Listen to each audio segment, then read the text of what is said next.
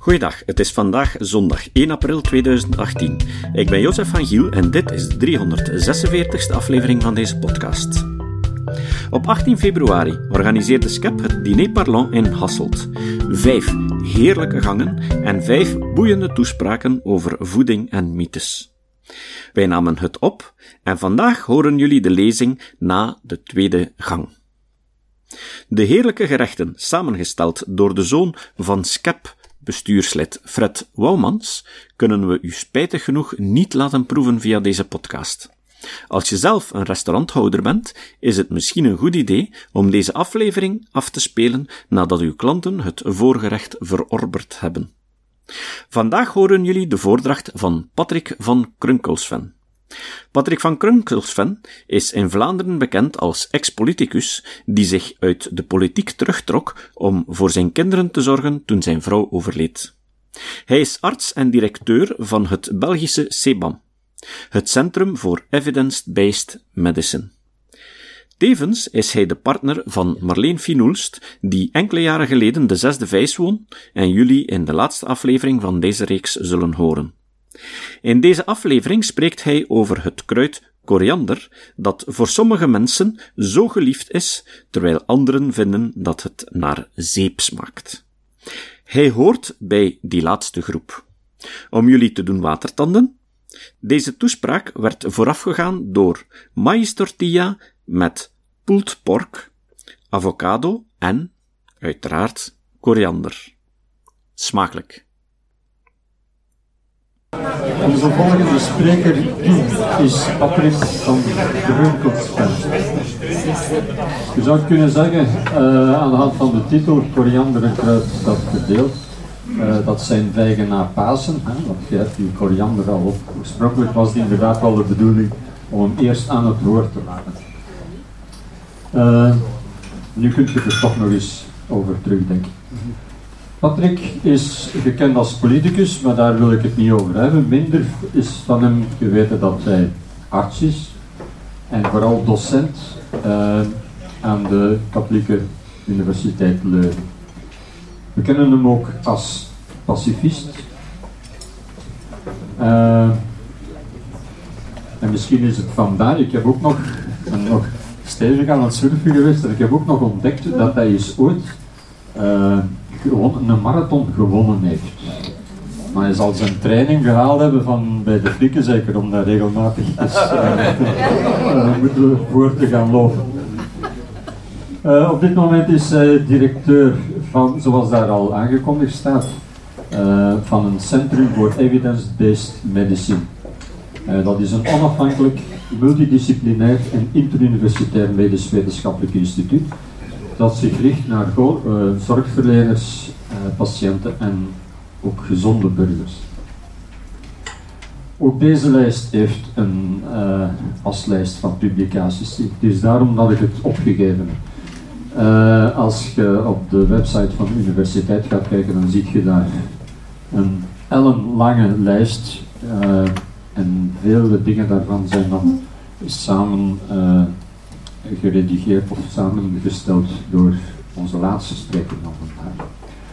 Um, het zat in het voorgerecht, hè, koriander, je houdt ervan of je haat het. Uh, Patrick zal u daar iets meer over vertellen.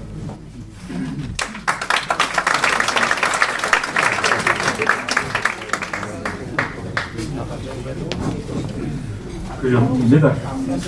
In tegenstelling met Geert ben ik absoluut geen eh, specialist van voeding. En het is pas de laatste jaren dat ik eh, samen met Marleen en de website Gezondheid en Wetenschap wel er wat meer mee te maken heb, omdat wij heel veel spreken over wat in de media komt. En in de media komt natuurlijk heel veel over voeding en natuurlijk ook heel veel onzin over voeding. Maar voor deze dag heeft men mij gevraagd om iets te vertellen over koriander. En ik wou eigenlijk beginnen met de vraag, uh, wie heeft er daar straks toch wel een beetje zeep geproefd? Maar ik vond dat in het gerecht de koriander wel goed gemixt was met heel veel andere smaken en daarmee was het een heel complex en trouwens heel lekker voorgerechtje. Maar ik wou toch het wetenschappelijk experiment doen, omdat ik weet ongeveer hoeveel mensen uh, een slechtere smaak hebben bij koriander. Wie in deze zaal proeft dan wel eens een beetje zeep als koriander? Of een andere slechtere smaak als je koriander eet? Ik persoonlijk. 2, 3, 4, 5, 6, 7, 8. Dat klopt ongeveer, hè, want uit de cijfers blijkt inderdaad ongeveer een 10%. We zijn met 80, dus dat is eigenlijk een, een perfecte doorsnede van de bevolking. Uh, dus proeven uh, zeep. Nu wat, en dat is misschien de reden dat uh, de emoties nog eens een keer hoog kunnen oplaaien rond koriander. En uh, je hebt uh, zelfs websites en zo meer, en ook heel wat t-shirts van de twee richtingen. Ik heb er naar gezocht, maar ik heb het niet gevonden waarom dat koriander zoveel emoties oproept. En andere kruiden, neem bijvoorbeeld nootmuskaat, ook een heel specifieke smaak, waar sommige mensen voor zijn en tegen zijn, of minder voor zijn.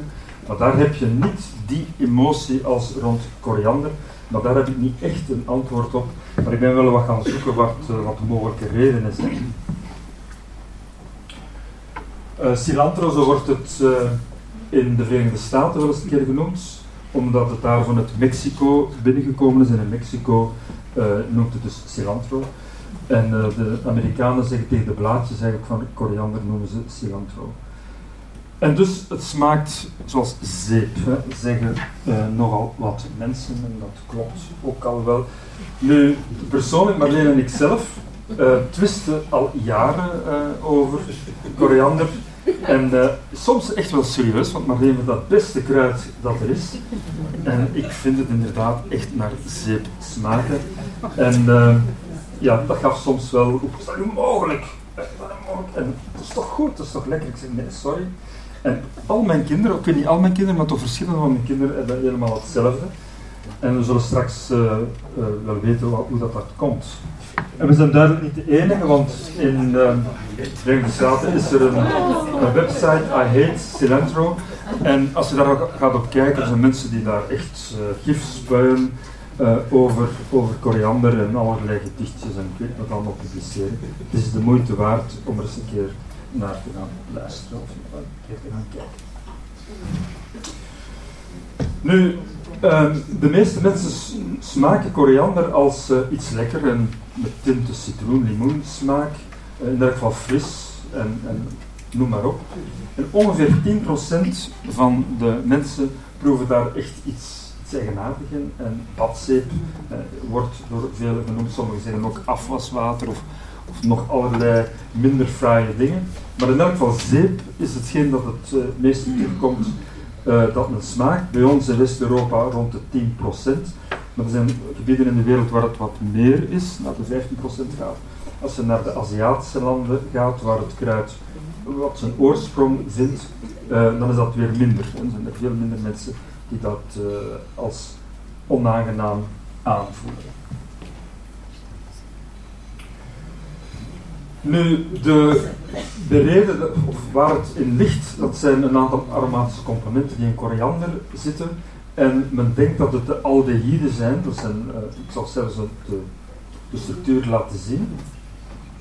En er zijn verschillende moleculen, die dus aldehyde moleculen zijn, die in koriander zitten en die verantwoordelijk zijn voor de aromatische uh, gewaarwording, met een straks woord hoe dat dan werkt. Dat zijn inderdaad gewone moleculen, maar bij ons geven die bepaalde smaken.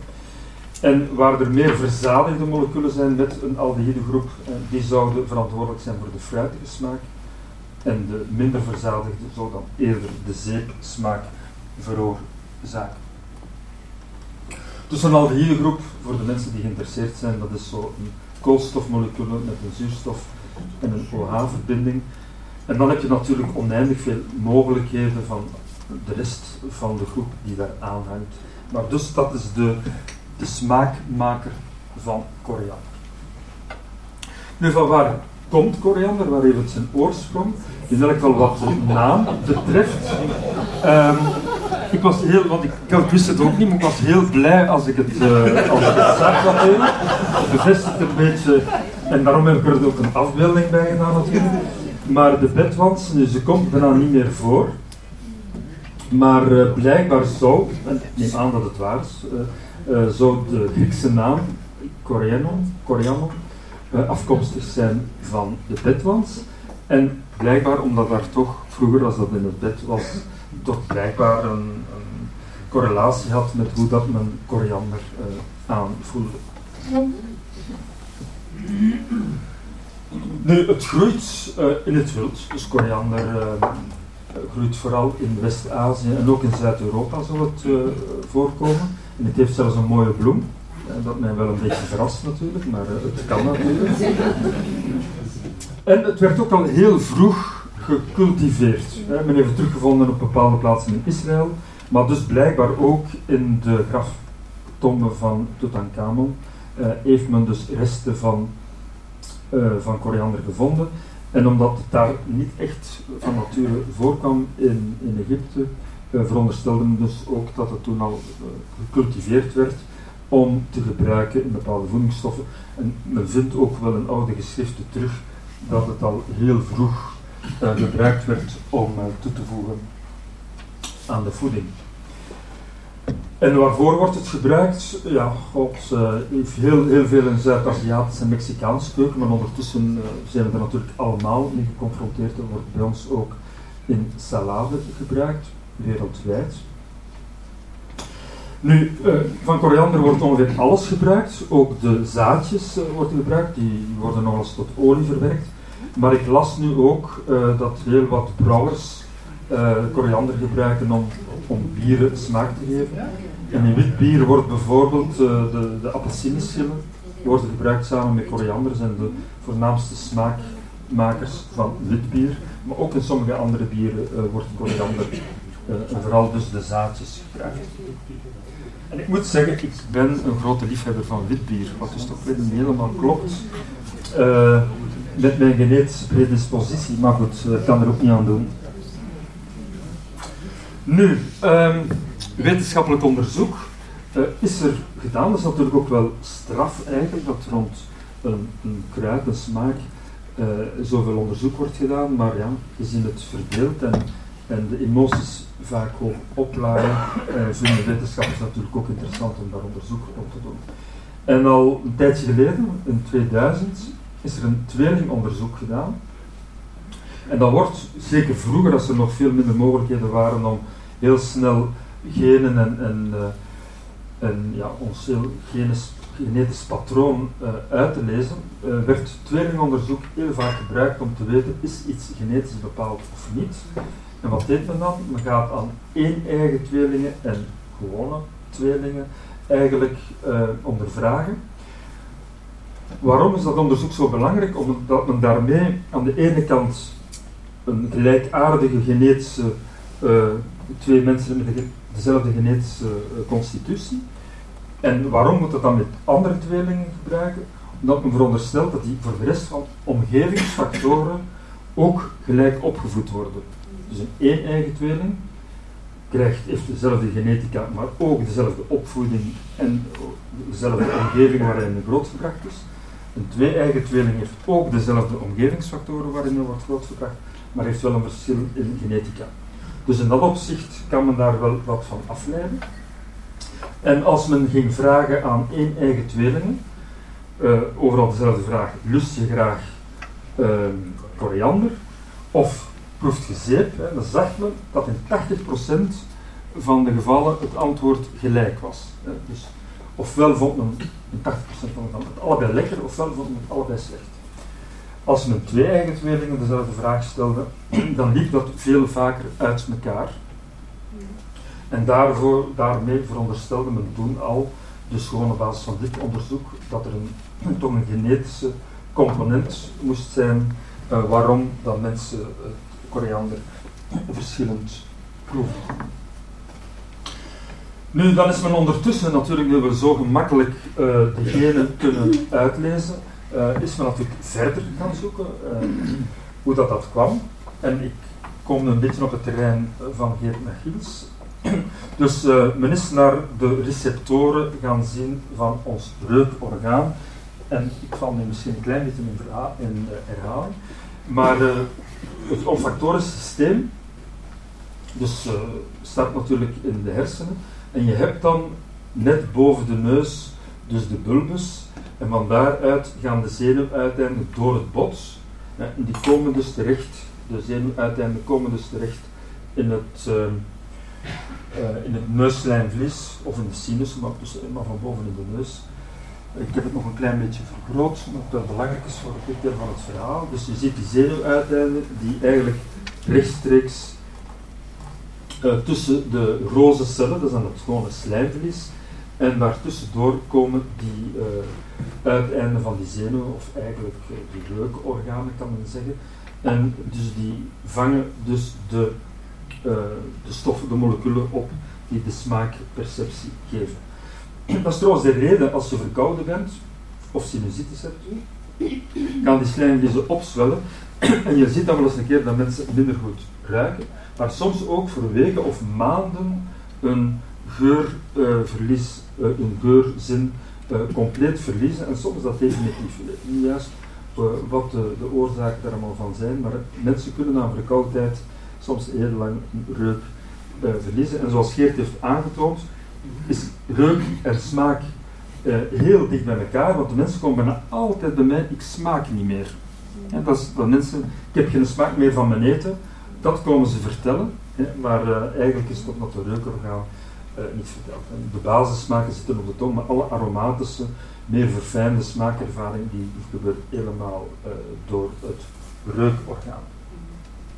Nu, om het een klein beetje te begrijpen, dus die, die organen komen dus aan de oppervlakte van ons slijmvlies en die be bevatten dan allemaal de receptoren. En zoals Geert zijn er 400 verschillende zijn een soort eiwitten die door het membraan van die cellen zitten. En die gaan dus in contact komen met de verschillende reukstoffen. En de combinatie van de signalen, dus sommige uh, moleculen passen perfect in de ene receptor en misschien een klein beetje in een andere receptor. En op die manier wordt dus die smaak uh, gecreëerd. Dus ongeveer een 400 uh, in getal.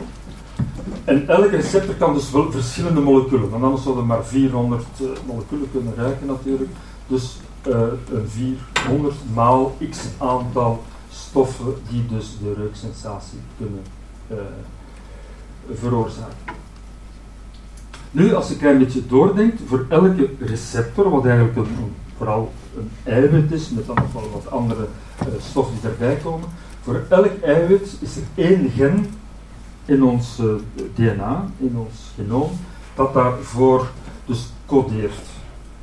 Dus uh, 400 receptoren betekent ook dat er 400 genen zijn. Het is iets complexer, want soms dat één gen voor verschillende moleculen coderen, maar zover ga ik het niet drijven. En maar laten we maar voor het simpel te houden dat 400 receptoren, dat er dan ook allemaal genen zijn. En die genen is men gaan nakijken. En uh, als men dat uitleest en men vergelijkt de mensen die koriander graag eten en men vergelijkt de korianderhaters, dan is men ontdekt dat één gen, dat dus codeert voor één receptor, uh, er een beetje uitschiet. Uh, maar dat is met heel veel poeha aangekondigd. Hè. We hebben het gevonden en de reden waarom er korianderhaters zijn. Zelfs kan ik dat toch een klein beetje demystifiëren, want ik vind het toch wel een beetje overroepelijk. Maar hoe dan ook, hè, die bepaalde gen komt dus meer voor bij korianderhaters.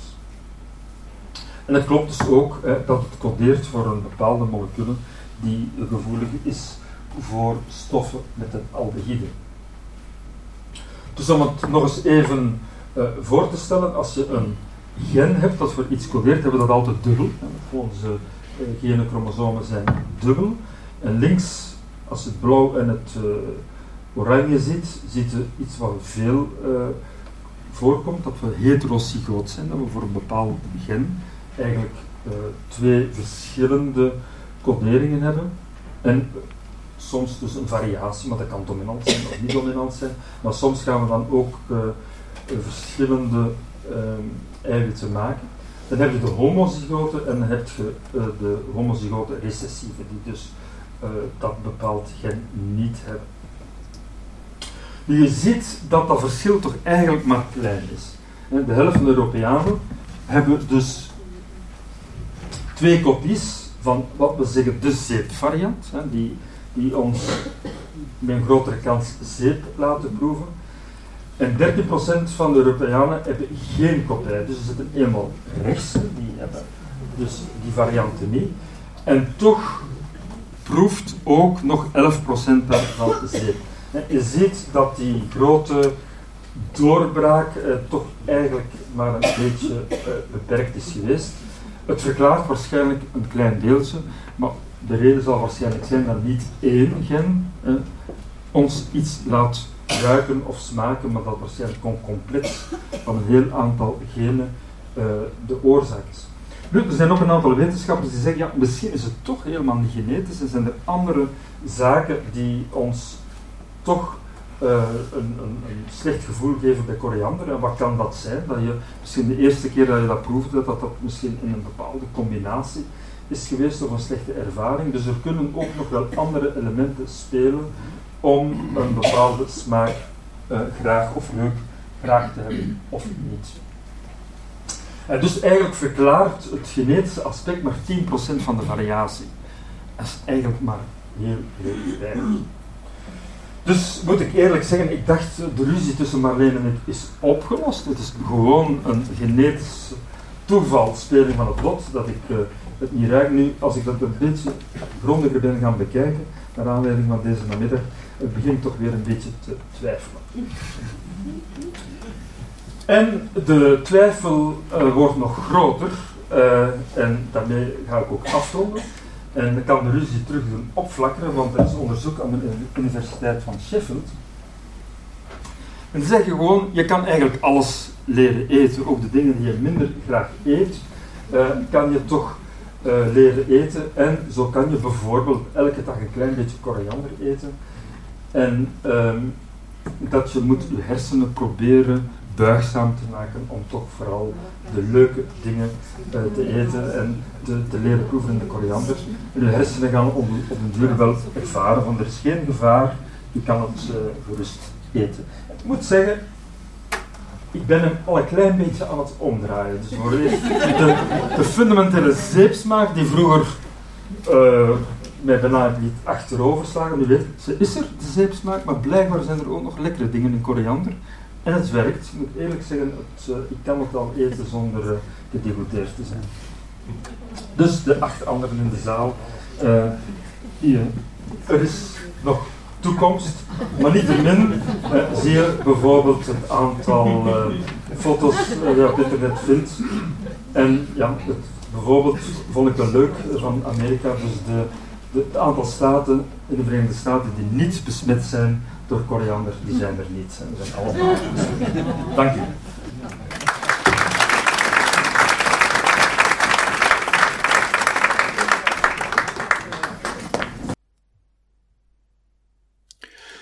Het citaat. Het citaat van vandaag komt van Geert Machiels, die jullie de vorige keer hoorden spreken. Dit citaat komt uit zijn boek Het brein, 100 jaar na Freud. De eeuwige twijfel van de wetenschap zet velen niet te lekker. Ze willen de waarheid, ook als die met een grote W geschreven wordt of slechts op de intuïtie van een enkeling berust. Dat verklaart wellicht de alomtegenwoordigheid van ideeën of hypothesen, zoals van Freud en zijn aanhangers. Tot de volgende keer. Deze podcast is het resultaat van het werk van veel mensen. Rick de Laat verbetert bijna al mijn teksten en maakt de meeste vertalingen. Emiel Dingemans verzorgt onze website en Facebookpagina. Ook Leon Korteweg en Stefan Sutens schrijven, vertalen of verbeteren soms artikelen. Leon onderhoudt bovendien het YouTube-kanaal van deze podcast. De muziek van de intro en de trailer heeft Nick Lucassen geschreven en soms maken we ook gebruik van muziek van Ad van Nederpelt, die ons zijn prachtige composities ter beschikking stelt. Dit was de podcast Kritisch Denken. Vergeet niet om alles kritisch te behandelen, ook deze podcast. Voor verdere informatie over deze podcast, links en voor de tekst, surf naar www.kritischdenken.info. Als je deze podcast belangrijk vindt, kun je me steunen door anderen warm te maken ook eens te luisteren. Stuur een e-mail naar vrienden met een link naar de website en plaats de link in de handtekening van je e-mails. Tevens kun je op iTunes deze podcast een beoordeling geven of een recensie schrijven. Of je kan op je eigen website of blog een link naar kritisch denken plaatsen.